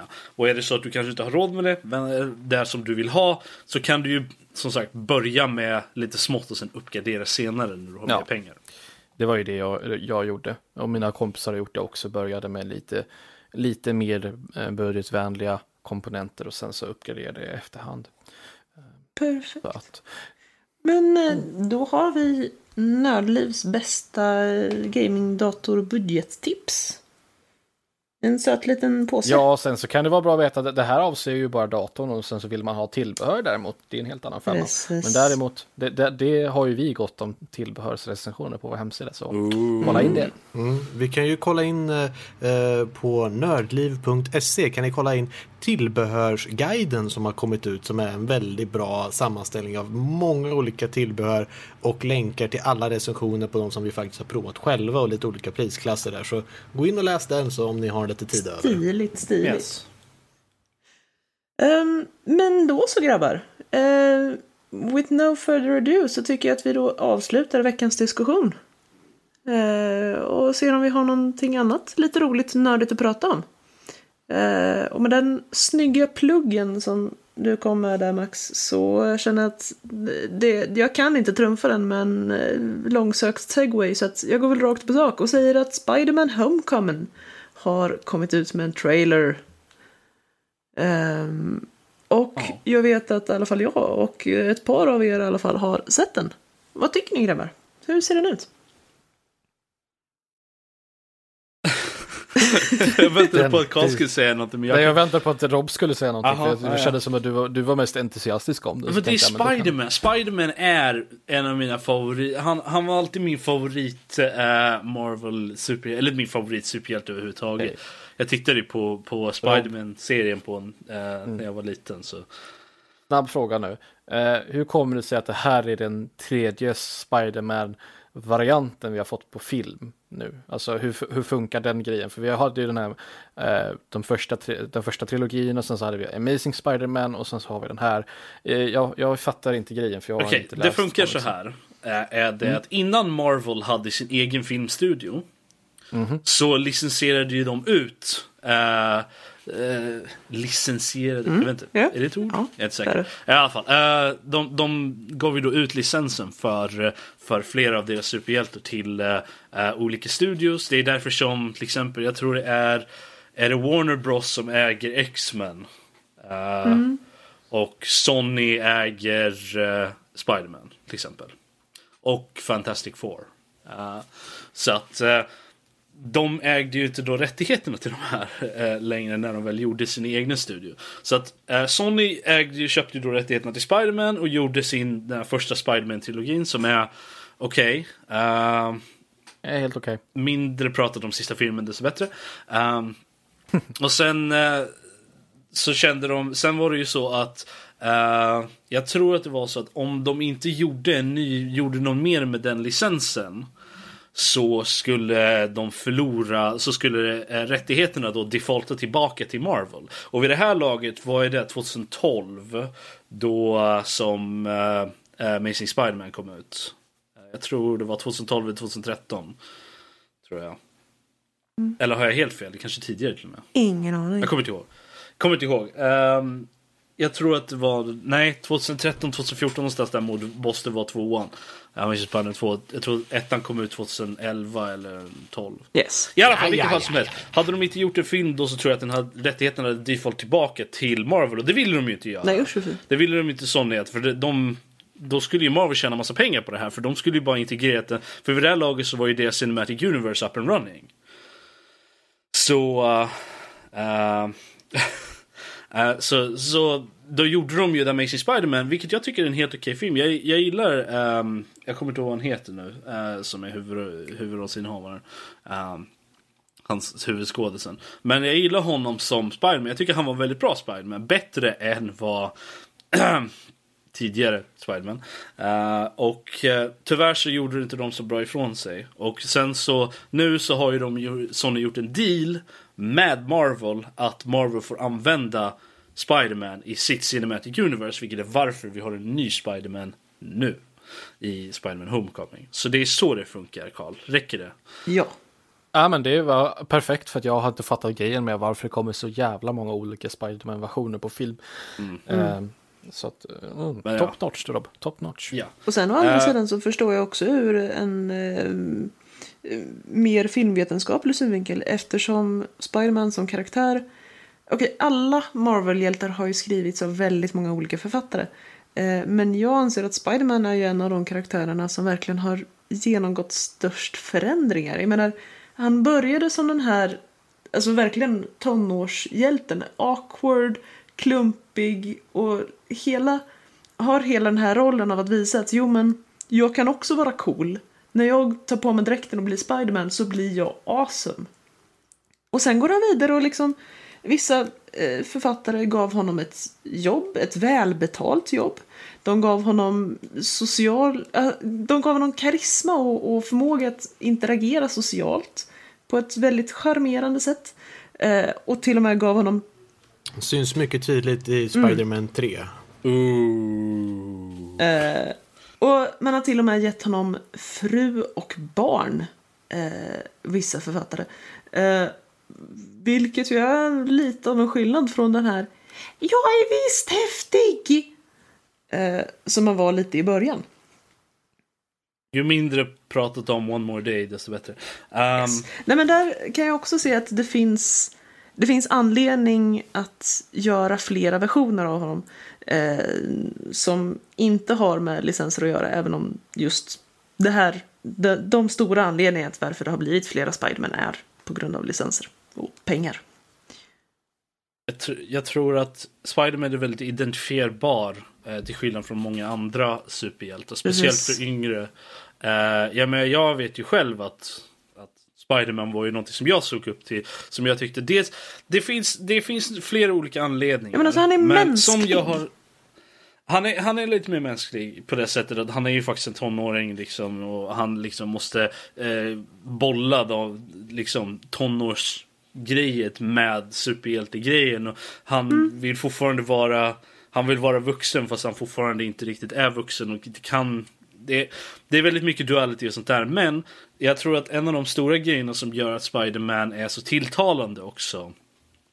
Är det att han är, hans sätt att slåss mot fiender är ganska unikt. Eh, mm. I det sättet att han använder humor för att, eh, för att distrahera och förvirra och liksom och enragea fienderna så att de gör misstag. Mm. Ofta. Alltså han, eh, Spidermans humor har alltid varit det som dragit mig till honom väldigt mycket eftersom jag är ett stort fan av humor eh, när det används rätt. Eh, så att jag tycker att eh, ha en superhjälte som använder humor i sina fighter är någonting som är väldigt bra. Och det var någonting som inte gjorde riktigt rätt i första Spiderman-trilogin tycker jag inte. Han var inte riktigt witty enough. Gjordes relativt, relativt bra i, uh, i Amazing Spiderman. Men när Spiderman dök upp i, uh, i Civil War. Den, fi den fighten där han är med i uh, mm. är underbar. Den är typ 30 sekunder lång, den sekvensen. Men han får in en hel drös med kommentarer som alla var skitbra och, och liksom passade jättebra. Det är liksom first class witticisms tycker jag i alla fall. Mm. Så att jag tycker det känns som att den här, och det ser man ju även i, i trailern, som var det vi pratade om här. Um, att den här lite humor kommer ju fram. Ändå. Det jag, tycker det, jag tycker det är trevligt att se att, att eh, Marvel i alla fall vet hur de skriver sina egna superhjältar. Bra. Ja, det är väl skönt det. Ja, men alltså, jag, jag håller med dig. Det är skönt att eh, komma tillbaka på något sätt till, till den här jag menar, roliga, mänskliga tonåringen. Uh, ja. Sen, uh, sen vet jag inte vad... vad uh, sen har jag hört många som har trackat ner lite på uh, skådisen som spelar Spiderman nu. men jag vet inte, jag tycker han verkar helt okej. Okay. Han ska ju vara en tonåring ja, och lite precis. awkward som du säger och sådär. Så jag tycker han gör den väldigt bra. Det är också det som um, han heter Andrew Garfield heter han, han som, gjorde, han som var med i Amazing Spiderman. Också gjorde just den biten väldigt, väldigt bra. Peter Parker-biten. Mm. Uh, men här så har vi även Spiderman-biten som är väldigt bra också. Så det, nu har vi, yay! Karl, vad tyckte du då? Nej, alltså, alltså nu har vi kommit förbi den här lite fundersamheten varför vi kommit flera Spiderman-filmer. Men nu kan jag både hålla med om att okej, okay, nu vill Marvel göra sin egna film och sen så att de förra tolkningarna kanske inte var de bästa. Eh, så att, ja men okej, okay, då, då, då ser vi fram emot det här. Det kan bli bra. Mm. Kan bli bra. Spännande. Yes. Men eh, vad sägs om att nu, nu har vi liksom gått tillbaka i tiden och pratat om tidigare Spiderman-filmer. Jag tycker att vi behåller det spåret och pratar om andra tidiga storfilmer och storserier. Eh, för det har ju nämligen kommit ut en till trailer eh, och det är The Mummy som kommer tillbaka. Eh, Yes. Eh, Mm, den finska klassen, Mumien. Äntligen på... det, här är ju då, det här är ju då den nya Mumien-filmen då som inte har någonting att göra med de tidigare filmerna, de här Brendan Fraser, de filmerna. har absolut ingenting med dem att göra.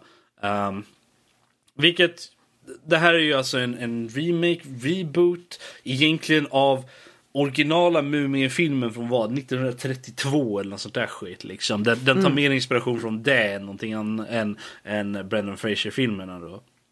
Så att eh, det är en kvinnlig mumie den här gången runt eh, och Tom Cruise i, eh, i huvudrollen. Och från trailern så tycker jag att det ser, det ser intressant ut. Jag menar, det, från trailern så ser man liksom, nu är spoilers här för trailern.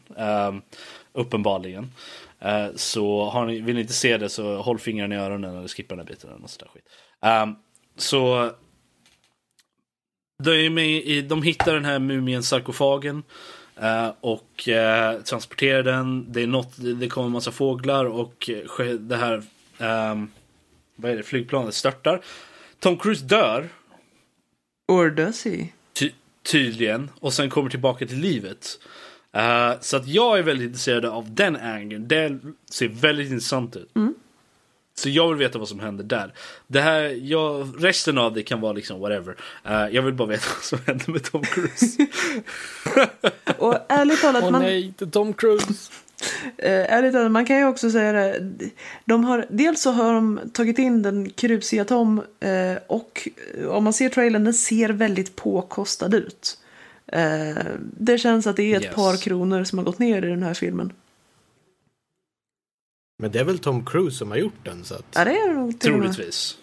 Jag har faktiskt ingen aning. Ja men det, det är för mig att jag har hört. Det är väl han som liksom har gjort filmen. Så att det är, alla Tom Cruise-filmer, den senaste Mission Impossible och sånt där har ju varit bra. Så Mm. att bara det är ju skoj att se. Jag vet inte, var det han som gjorde dem också? Jag, Nej, jag tror för att han var executive producer och typ äger rättigheterna till Mission Impossible nu gör han. Så att jag, Ja, jag vet att han har mycket inblandad i det också. Och sen gjorde han Jack Reacher också va? Det var också hans Ja, grej Han är inte regissör eller writer i alla fall till, eh, till The Mummy. Jag tror att han, Men han har lite, lite säg i det hela, möjligtvis har att han är executive producer eller något sånt där då. Men jag tror han är inte, ehm, han står inte listad som eh, någon av de högre upp liksom på det sättet. Okej, det kan vara jag som har, har hört fel. Jag kan inte Han säga står att inte listad som Men executive Det ska bli intressant att se heller, honom så i en att, film. Filmer som han är med i blir oftast bra om de är actionbaserade.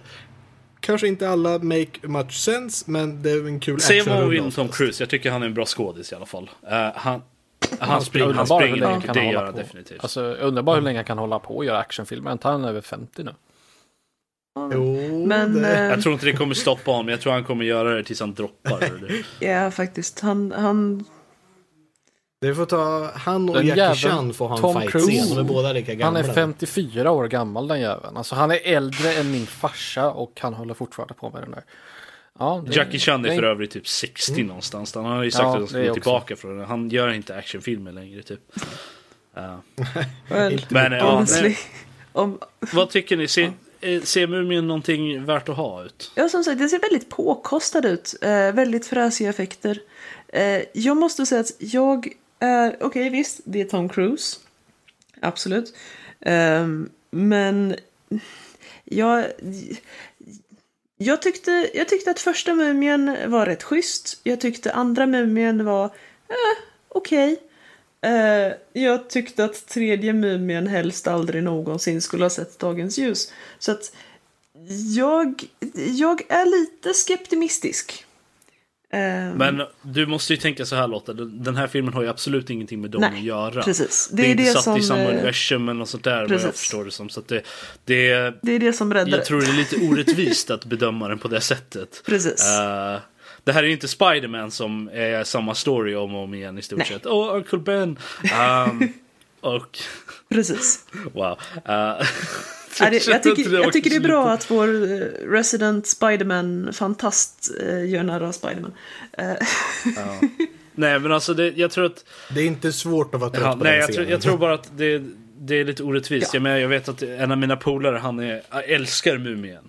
Alltså Muminfilmer, de, de två första. De, han älskar dem, gör han. Det är några av hans favoritfilmer. Och han, när han hörde om den här så var han liksom såhär, nej vad är det här för skit? Så, så jag, men jag förklarade för honom att det är inte, de, de har ingenting med varandra att göra. Då, var han lite, då verkade han vara lite mer inställd för att det var okej.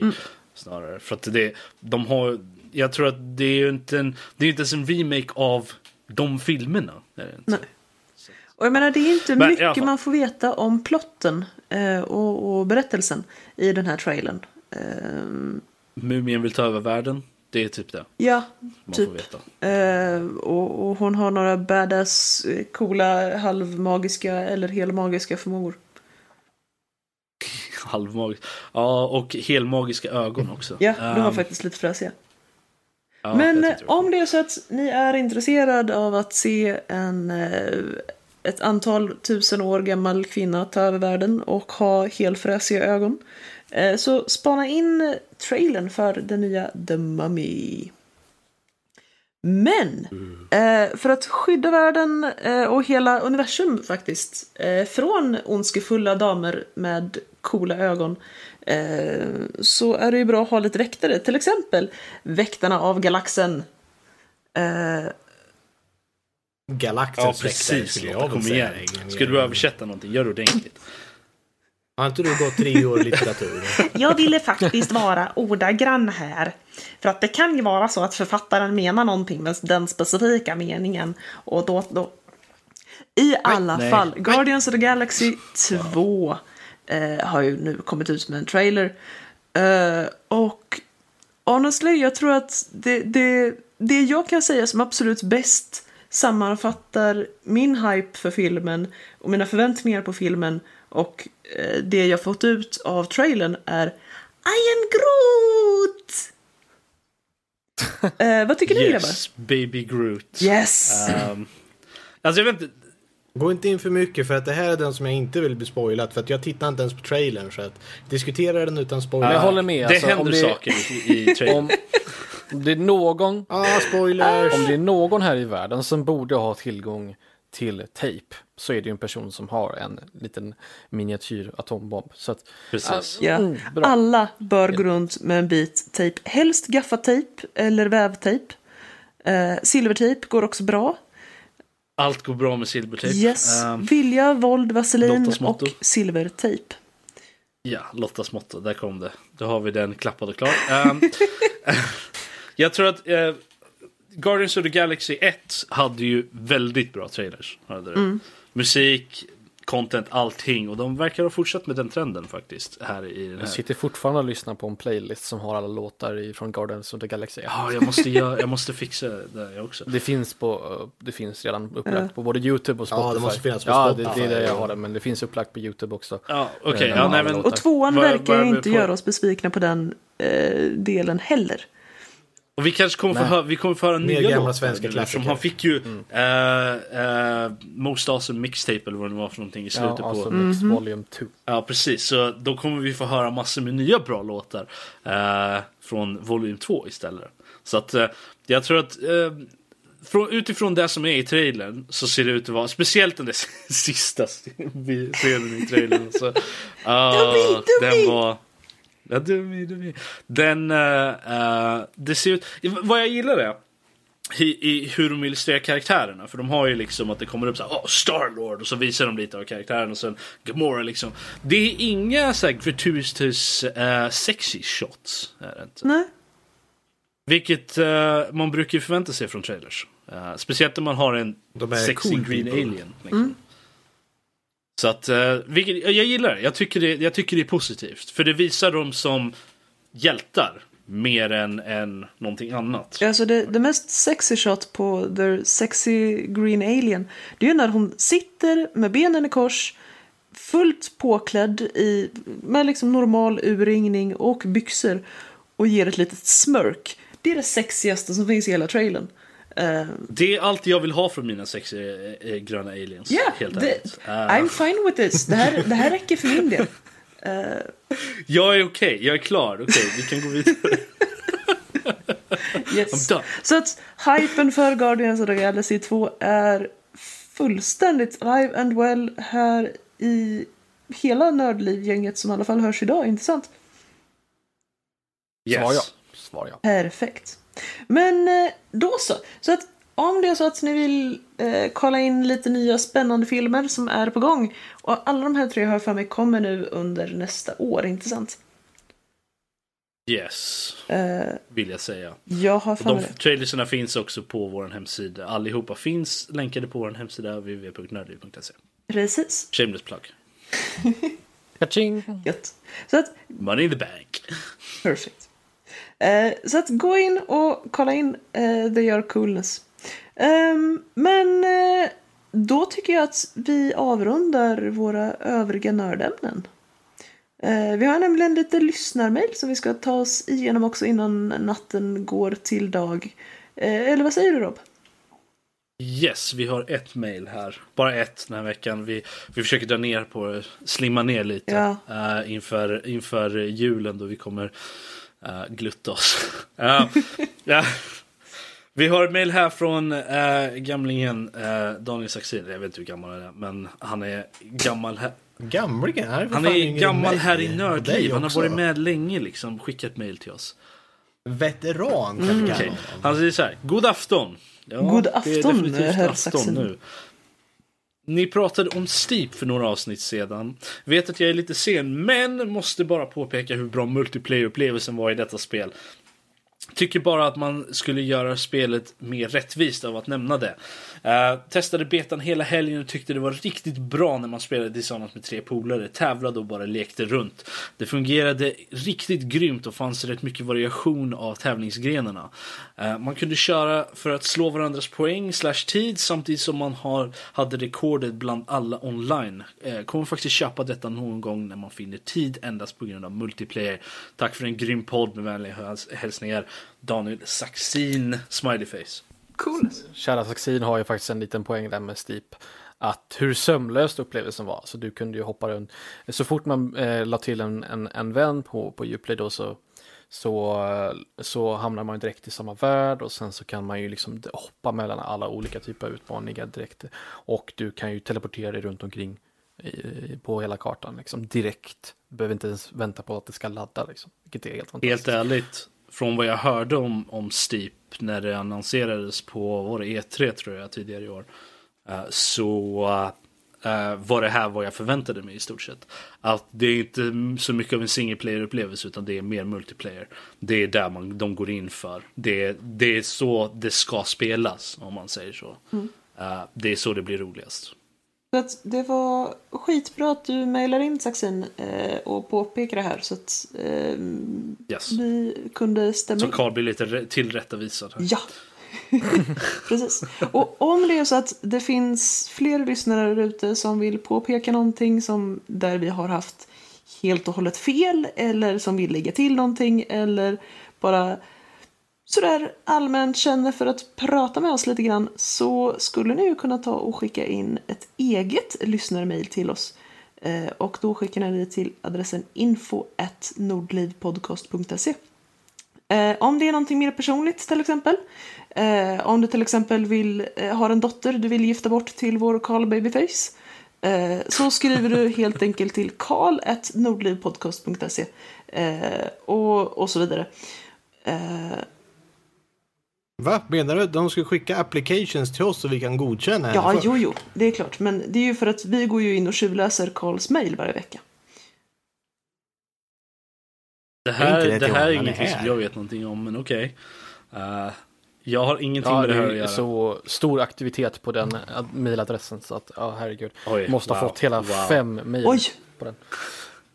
Vi går in och rensar den varje vecka från alla mm, hundratals fanmail. Vi vill inte att det ska gå dig ur huvudet bara. Och jag menar ärligt talat, du, du är för ung för att se all den mängden trosor. Eh, så att vi, vi behöver censurera det här för dig. Ehm, Lotta tar dem istället. Ja, men det är klart. De, de får Ah, inte gå till spillo. Titta här. Jag plockade fram min Karl at Nordlig Podcast eh, mailadress. Eh, jag har den vidarebefordrad till min Gmail och jag har 1, 2, 3, 4, 5, 6, 7, 8, 9, 10, 11, 12, 13, 14, 15 eh, spammail från Diskshop. Oj! Jo, eh, Så att, eh, Mm, visst, här ska vi skryta vem som har mest. Jaså? så att eh, jag, bara bra att veta att man kan sk- sk- köpa Livet efter dig på Blu-ray för halva priset. Så att det, det är skönt. Det. ja, Får vi Nej. sponsorpengar här? Ja, ja, det var värt ett försök. Eh, men det finns ju också andra anledningar att mejla till oss. eh, Förutom att man vill eh, ta och påpeka när vi gör eh, crap och när vi gör awesome. Och det är till exempel när vi har tävlingar. Och du Rob, jag har för mig att vi har faktiskt en tävling en gång just nu. Stämmer det? har vi? Det här har inte jag blivit tilltalad. Det är Nej, så eh, alltså? Ja, nej, men jag har fel ibland. Då så, då avslutar vi. Ja, nej, det är så självklart vi har en tävling just nu under december ehm, upp till den 25. Ehm, det är väldigt simpelt. Vill ni vinna en eh, ett av två stycken, det finns, vi lottar ut just nu två stycken uh, gaming headset och tre mysteriska spel. Eh, inte nödvändigtvis mysteriespel utan de är bara mysteriska. Det är liksom Ehm, lite som Mystery Meat i, i WoW. Fast bättre. Du är den enda som spelar Jag WoW. hörde syrsorna. i- Kanske det bara Ja, var eh. I alla fall, det här, det här är då en tävling. Allt ni behöver göra för att delta eh, och potentiellt vinna är att skicka in ett mail till oss på info.nordlivpodcast.se och tala om för oss varför ni lyssnar på Nördliv. Vad ni tycker, var, varför, varför är ni här? Varför lyssnar ni på oss för? Allt, Vad är det? lyssnar Vad, inte på en bättre podd. Eller nej, förlåt, det var så vi inte skulle Eh, säga. varf, varför just Nördliv? Vad är det för någonting ni tycker om med just oss? allt ifrån eh, ni spanar ut eh, Babyface Karl åt era döttrar eh, till att ni helt enkelt bara är masochister och allt däremellan. Ja, eh, Är det för- Tänk om de skickar in ett mejl så här. Jag, jag tycker om att, att skada mig själv och eh, jag har inte hittat något bättre sätt att skada mig själv mentalt än att lyssna på er. Anyway, Så. ehm, som sagt. Oof, that's dark. Oh, Allt, shit. allt ni behöver göra är att skicka in ett mail där ni förklarar varför ni lyssnar på Nördliv, vad ni tycker om just varför just vi är speciella till era hjärtan. Och eh, eh, den här tävlingen avslutas då den 25 december. Eh, efter, efter det så kommer vi lotta ut, eh, då vad blir det? Det blir fem stycken vinnare slumpmässigt från, från de som har skickat in. Och vi kommer, annonser, vi kommer eh, annonsera, är det rätt? Annonsera vinnaren. Utropa vinnarna i eh, vårt Goti-avsnitt som kommer ut den första januari. Så fram till 25 december tar vi in eh, tar vi in mail. Det är då som är cut-off datumet. Ni borde komma ihåg det, det är dagen efter julafton. Eh, som sagt, allt ni behöver göra är skicka in ett mail till info.nordlivpodcast.se och tala om varför ni tycker om nörd, just nördliv. Precis. Det blir jättespännande att höra för att då, då får vi också ytterligare feedback på vad, vad vi gör bra helt enkelt. Yes. Men om det är så att ni vill ge oss feedback sådär bara i största allmänhet, eh, kanske på något specifikt avsnitt eller sådär, så kan ni ju också göra det bland annat på iTunes där ni kan lämna betyg och kommentarer. Ehm, och som sagt, vi, vi tycker om feedback, eh, GIF, KK. Ehm, men eh, ja, annars så var det väl ingenting mer för ikväll, eller vad säger ni pojkar små? Nej, gå in, skriv Twitter, Yes. iTunes, allt det där roliga Precis. och sen se glad ut. Eh, alla sätt ni kan nå oss på hittar ni via vår hemsida och det är nördliv.se alternativt nordlivpodcast.se. Båda vägarna kommer till oss. Eh, och som sagt, vi finns på iTunes, vi finns på Twitter, eh, vi finns på YouTube och så vidare. Ehm, så att, Jag kan ju, jag kan ju lite snabbt hoppa in här och meddela att eh, eh, Youtuben är aktiv. Vill bara plugga lite. Self det är jag, lite jag som håller i den biten. Så att uh, self är uh, Youtube. Vi lägger upp lite uh, spelserier varje vecka. Ehm, vi har just nu gående Hall of Fame Forge där jag, eh, min bror Simon och eh, några andra har lite skoj och skjuta ner varandra i lite customs. Ehm, vi eh, kör även lite Trials Fusion. Eh, det finns lite Star Wars Battlefront. eh, även lite gamla Star Wars Battlefront 2. ehm, och eh, eh, lite annat smått och gott där. Så det är helt värt att gå in på vår YouTube, vilket är Nordliv Podcast. Om jag är inte säker. Annars finns alla videos på, på vår hemsida. Ehm, och eh, vi har även eh, en Twitch där vi försöker twitcha lite varje fredag och söndag. Eh, fredagar klockan 18 och söndagar klockan 15. Där vi eh, sitter och pratar runt lite och spelar lite spel. Där ni även, även ni i communityn kan vara med. Om ni hoppar in på våran Discord så kan ni vara med där. Infon för Discord finns på vår hemsida. Det är om fliken och sen är det Discord och TS tror jag. Eh, så finns all info hur ni joinar oss där. Precis. The Nerd Life Empire. Jag för mig också, har inte Sara lagt upp en hel del spännande om Final Fantasy 15? Tror jag. Lite gameplay och sånt spännande. Eh, det, det, vi brukar hosta henne på, när hon twitchar så brukar vi hosta henne på uh, Nördliv Twitchen också. Så att, ehm, Perfekt. eh, det finns, eh, finns en hel drös eh, fint där också. Mm. Det är bara att kika. För alla smaker helt enkelt. Yes. Ja men då så. Ehm, då, då blir det inte roligare pojkar. Eh, men som sagt, eh, hör väldigt gärna av er. Eh, och om ni känner för att delta och ha en chans att vinna en av de här fem fantastiska priserna så skicka ett mejl till info.nordlivpodcast.se och berätta varför i hela fridens dag ni lyssnar på oss. Eh, och om det inte är så att vi hör av er per mejl så hörs vi i alla fall nästa vecka när vi kommer tillbaka med nästa avsnitt. Eh, tills dess så ha det lugnt, gamea gulligt och var snälla mot varandra och nu får ni säga hej då alla små vänner. Bye-bye. Goodbye. Bye. Hello.